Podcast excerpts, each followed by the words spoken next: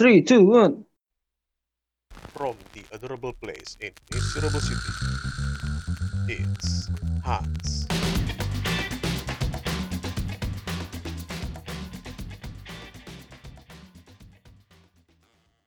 Selamat datang kembali masih di Let's Talk About It bersama dengan Hans Karunia dan untuk pertama kalinya ya dalam satu minggu eh, Let's Talk About It akan hadir dua kali.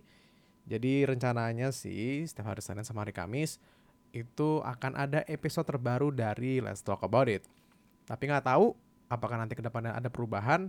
Tapi untuk sekarang di hari Kamis nan sendu tuh gue bilang atau justru hari nan bahagia ya karena kemarin gue lihat di berita dan sekarang gue juga lihat di laptop gue ya karena jadi mungkin teman-teman dari tadi dengar suara cetik cetik cetik suara dari mouse gue jadi pemerintah sudah menyatakan bahwa mulai minggu ini ada beberapa wilayah di Pulau Jawa dan Bali itu masuk ke PPKM level 3 yang katanya sih memang ada beberapa perubahan dibandingkan PPKM level 4 tapi kayaknya sih nggak banyak banget ya perubahannya ya.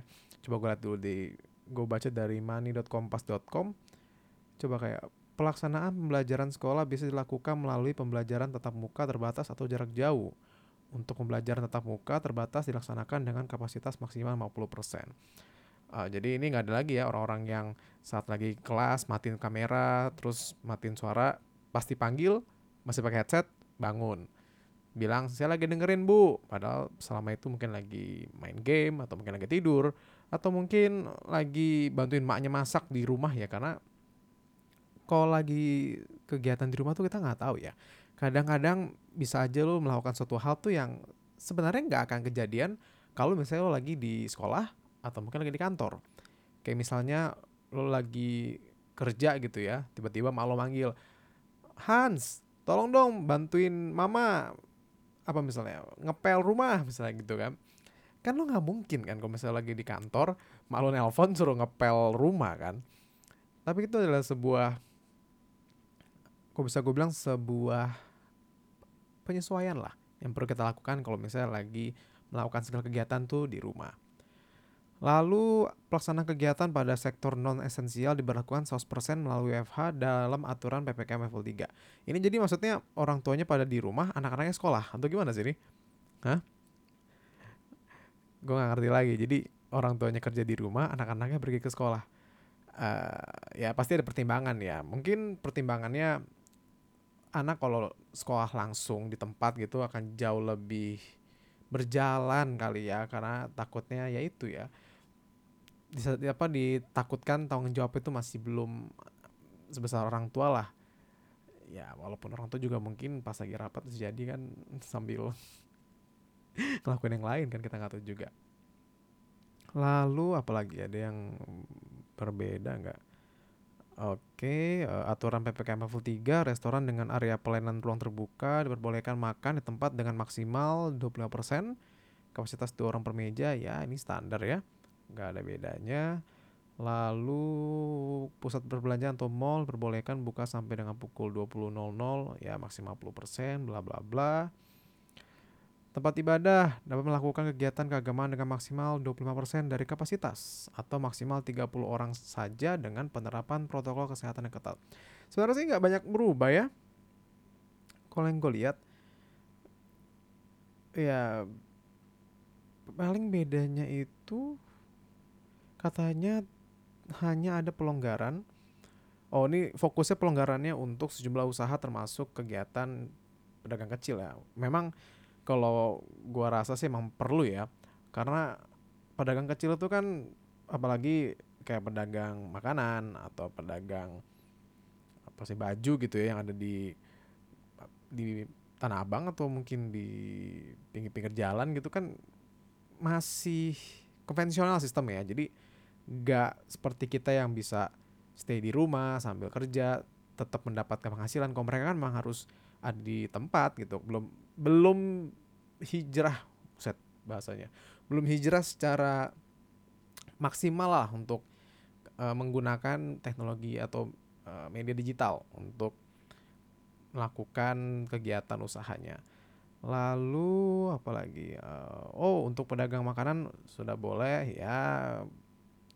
Ya susah ya kalau kalau makan di tempat gue lebih setuju makan di tempat tuh boleh asalkan memang ada aturannya untuk ya bisa jadi ada apa dikasih jarak antar meja nggak perlu 20 menit gitu loh. Karena kalau misalnya lo dibuat aturan bahwa lo boleh makan tempat tapi maksimal 20 menit ya memang kalau misalnya kita pikir atau kita kita beri apa ya kita maknai secara lebih dalam maksudnya adalah kan ya lo kalau bisa nggak usah makan di situ lah. Tapi kalau misalnya lo harus makan di situ ya dikasih waktu. Tapi kalau menurut gue kalau kayak gitu ya jadinya muncul yang namanya orang-orang bikin meme. Dan tuh orang Indonesia itu kan hobi banget ya. Kalau misalnya ngelihat ada statement yang dirasa ngaco atau dirasa nggak sesuai Iya, jadi kayak kemarin sampai ada beberapa influencer yang bikin apa video di YouTube yang seakan-akan lagi makan terus kayak juri master chef itu kayak 20 menit dari sekarang dihabiskan segala macam gitu. Lalu ya gitu aja ya. Jadi kita masih dalam apa masih dalam kondisi yang sama masih kebanyakan kegiatan dilakukan di rumah. Walaupun jujur kalau gue lihat dari beberapa minggu kemarin kondisi jalan tuh udah jauh lebih ramai dibandingkan saat pertama kali ppkm level 4 atau level darurat tuh dilakukan di Pulau Jawa sudah banyak yang keluar bahkan kayaknya waktu pas vaksin pertama ya vaksin pertama gue itu kan di bulan Juli ya awal Juli. Itu kan kalau nggak salah awal ppkm darurat bukan sih? Atau belum ya? Gue lupa. Uh, ya pokoknya gitulah. Nah itu waktu gue vaksin gue vaksinnya itu kan di daerah Cilandak. Karena gue tinggal di Cibubur harusnya gue bisa dapet di daerah Cibubur tapi penuh karena memang daerah Cibubur ini meskipun banyak orang-orang yang gajinya cukup menengah ke atas, tapi sepertinya kami untuk mendapatkan akses kesehatan tuh sama seperti orang-orang di luar sana yang ya, di luar sana itu yang daerah-daerah bukan daerah Pulau Jawa gitu susah banget dapat vaksin. Gua dari kemarin dari bulan-bulan Mei, April itu udah mulai nyari nyari info tentang vaksin. Di daerah gua itu susah banget akhirnya tuh banyak info ya di daerah Jakarta, di daerah Mangga Dua, di daerah Jakarta Utara. Jauh banget gitu ya. Rumah gue Cibubur disuruh ke sana. Ya, tapi gimana ya? Mungkin memang dikarenakan jumlah vaksin yang belum lengkap. Jadi ya prioritasnya masih Jakarta, masih daerah-daerah yang banyak eh, banyak orang gitu ya kan katanya juga ada info bahwa kemarin wakil gubernur Jakarta bilang daerah Jakarta sudah herd immunity. Gila. Itu statement yang luar biasa. Bisa diperdebatkan juga sih karena kalau misalnya memang udah herd immunity sebenarnya belum tentu bisa menjamin bahwa kegiatan di Jakarta bisa jauh lebih bebas dibandingkan sekarang. Karena ujungnya ya kalau misalnya hanya terpusat di satu tempat dan kita tahu bahwa orang-orang Indonesia tuh mayoritas kan mostly kerjanya atau melakukan mobilitas dulu di Pulau Jawa khususnya Jakarta. Saat masih banyak orang yang belum mendapatkan vaksin, yang namanya herd immunity itu ya bisa jadi ya ujung-ujungnya jadi cuman label doang. Ujungnya nanti kasus ya tetap aja sama seperti kemarin bahkan bisa berakibat ya jangan-jangan kasusnya naik lagi gue sih berharap jangan sampai naik ya. Karena kalau sampai naik lagi ya jadi kita nggak pernah belajar dari ppkm atau psbb atau apalah itu ya yang kita udah melakukan selama dua selama hampir dua tahun malah. Iya bener hampir dua tahun. Satu setengah tahun lah. Semoga cepat beres lah ya yang namanya perkovitan duniawi ini kan di luar sana sudah banyak yang mulai jauh lebih bebas, maksudnya di negara-negara di luar sana. Meskipun memang sudah ada pengatatan lagi, khususnya kayak di Amerika Serikat, sebelumnya sudah ada informasi bahwa daerah-daerah kayak California, kayak New York itu udah mulai boleh lepas masker, tapi kalau nggak salah juga di bulan-bulan ini ya mereka sudah kembali menyarankan kepada masyarakatnya untuk menggunakan masker karena peningkatan dari kasus COVID Delta ini. Semoga Indonesia cepat beres deh. Gue udah pengen bisa keluar nggak pakai masker. Lu sendiri pasti bosen. Kita keluar-keluar tuh kayak pakai masker tuh aksesoris wajib sekarang gitu loh. Ke mana-mana harus pakai masker, ke mana-mana harus siapin hand sanitizer. Di mana gue yakin, gue jamin sebelum ada COVID 90% lah orang Indonesia khususnya orang di Pulau Jawa nggak akan pakai namanya hand sanitizer termasuk gue. Dan juga kalau misalnya kita udah bisa beraktivitas seperti biasa kan jadi banyak hal-hal yang bisa kita lakukan kembali kayak misalnya liburan gitu ya. Atau misalnya kita bisa jalan-jalan ke luar negeri gitu kan. Ya walaupun ada beberapa orang yang bisa melakukan itu saat pandemi sih yang yang spesial. Oke, kita cari lagi. Ada berita apa lagi nih? Uh, oh, ini berita yang sebenarnya antara gue nya seneng atau gue nya pengen ketawa atau gue nya sedih. Karena ini berita tentang mantan Menteri Sosial Republik Indonesia dari partai yang saat ini sedang berkuasa ya yaitu Bapak Juliari Batubara. Ini vonis 12 tahun penjara atas kasus korupsi pengadaan bansos untuk para uh, apa ya masyarakat ya masyarakat kurang mampu totalnya tuh 32 atau 34 miliar gitu yang udah dipakai kan sekitar 15 miliar katanya. Nah, yang ramai dari hasil sidang itu adalah hakim tuh menyatakan bahwa hinaan dan cercaan ke Juliari itu jadi pertimbangan yang meringankan hukuman. Jadi eh, katanya dari hakim yang menjadi pemimpin sidang ya karena sudah dicaci, sudah dimaki dan gue rasa itu ada hubungannya dengan pledoi yang disebutkan oleh Bapak Juliari beberapa minggu sebelumnya, maka dianggap hukuman ini sudah pantas. Jadi, untuk orang-orang di luar sana yang mau melakukan tindakan korupsi, silakan minta netizen untuk mencaci, menghina di media sosial.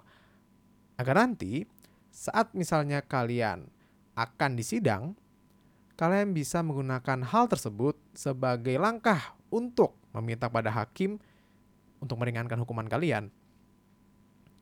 Silakan digunakan. Karena sudah ada bukti satu berhasil nih. Gue gak kaget kalau misalnya ada orang yang bilang kok kayak gitu ya? Kenapa bisa orang yang secara jelas melakukan tindakan korupsi dan tindakan korupsi itu dalam hal apa gue bilang ya bantuan kepada orang-orang yang memang membutuhkan lo. Masih ada orang yang bisa menilai bahwa ini orang tuh nggak pantas dihukum gitu loh. Kecuali emang kuasa hukum ya karena emang kuasa hukumnya kan harus ngebelain bosnya ya karena kan dibayar. Dan dari pledoi minggu lalu beberapa minggu lalu itu ya wajar lah kalau misalnya orang tuh makin sebel gitu ya karena kalau misalnya alasannya saya masih punya anak kecil anak kecil itu kasihan lah anak saya masa gak, apa karena saya korupsi anak saya dihina. Ya makanya jangan korupsi. Dan lo kira yang punya anak kecil cuma lo doang? Karena punya anak kecil juga banyak. Kan orang yang butuh bantuan yang bantuan sosial yang harusnya dikasih Indomie jadi dikasih apa tip top ya atau apa.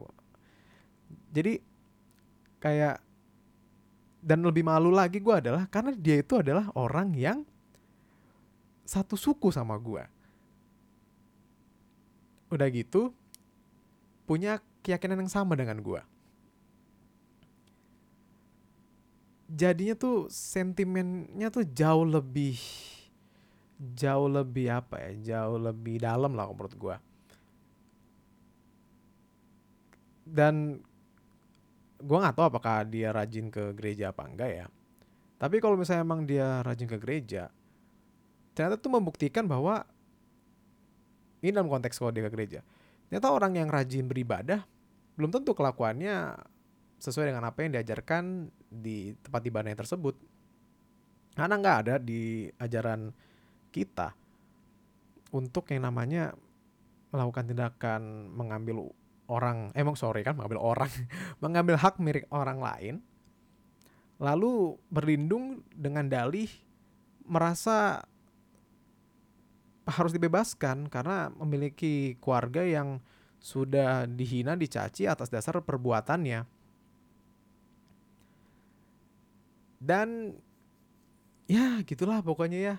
Gue bingung ada orang bentukan kayak gini. Mungkin dia kebiasaan hidup enak kali ya. Jadi saat dicaci dimaki gitu ya. Sedangkan gue tahu bahwa memang orang Batak itu paling gak suka tapi ya lo harus sadar diri bahwa lo dihina dicaci sama orang termasuk sama gue ya karena memang kelakuan lo aja nggak bener gitu ya. Ya. Gue nggak tahu deh. Bingung gue mau ngomongnya kalau misalnya vonis vonis 12 tahun penjara untuk seseorang yang merenggut hak orang banyak.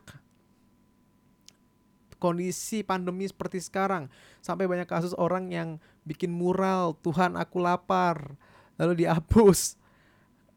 Terus saya ada mural presiden, lalu dihapus, dikejar orangnya. Hah, entahlah negara ini mau jadi apa? Mau jadi negara kesatuan republik republik apa? I, i apa? I, gue takut kebablasan ya dari minggu ini gue lihat sih yang paling ramai beritanya tentang ini ya tentang kasus Juliari Batubara ini. Memang dia yang paling mendapat sorotan dari beberapa bulan lalu hingga sekarang juga apalagi tambah statementnya ini. Jadi kalau yang bisa gue bilang sih ya kalau misalnya kalian nggak pengen dihina sama orang ya lihat dulu kelakuan lo udah bener apa belum. Kalau kelakuan lo emang nggak bener terus lo merasa bahwa diri lo itu apa sebutannya diri lo itu merasa dilecehkan terus apa namanya minta pertolongan untuk diselamatkan. Wow hina sekali. Ya itu aja lah dari bahasan di minggu ini gue masih ini sih masih mikir kayak kenapa kak gue perlu melakukan pembedaan untuk siang hari Senin sama hari Kamis. Gue sih berpikiran uh, untuk hari Kamis tuh mau ngebahas tentang sepak bola atau tentang apa yang gue suka ya. Sedangkan hari Senin itu kayak recap mingguan untuk berita yang terjadi selama satu minggu. Tapi kita lihat nanti ke depannya. Karena kalau minggu ini gue mau ngebahas bola masih banyak simpang siur karena kan masih apa namanya detik-detik menuju penutupan transfer window kan untuk uh, musim panas. Masih banyak berita-berita yang simpang siur jadi gue nanti pengen gue kalkulasi untuk pengen gue recap lah di Kamis minggu depan kayaknya. Khusus gue bahas tentang apa yang terjadi selama transfer sepak bola di musim panas ini. Yang pastinya kan tahu kalau misalnya yang suka nonton bola ya tahu lah ya. Ada berita-berita yang bombastis dimulai dari Messi yang akhirnya pindah dan masih banyak lagi. Oke, jadi sekian dari Last Talk di minggu ini. Kalau misalnya ada kritik saran bisa langsung kasih komentar atau tulis aja di Instagram juga di ID. Kok di ID? di Instagram dan juga di Twitter kita di @id underscore dialog. Jadi kita ketemu lagi minggu depan. Sampai jumpa.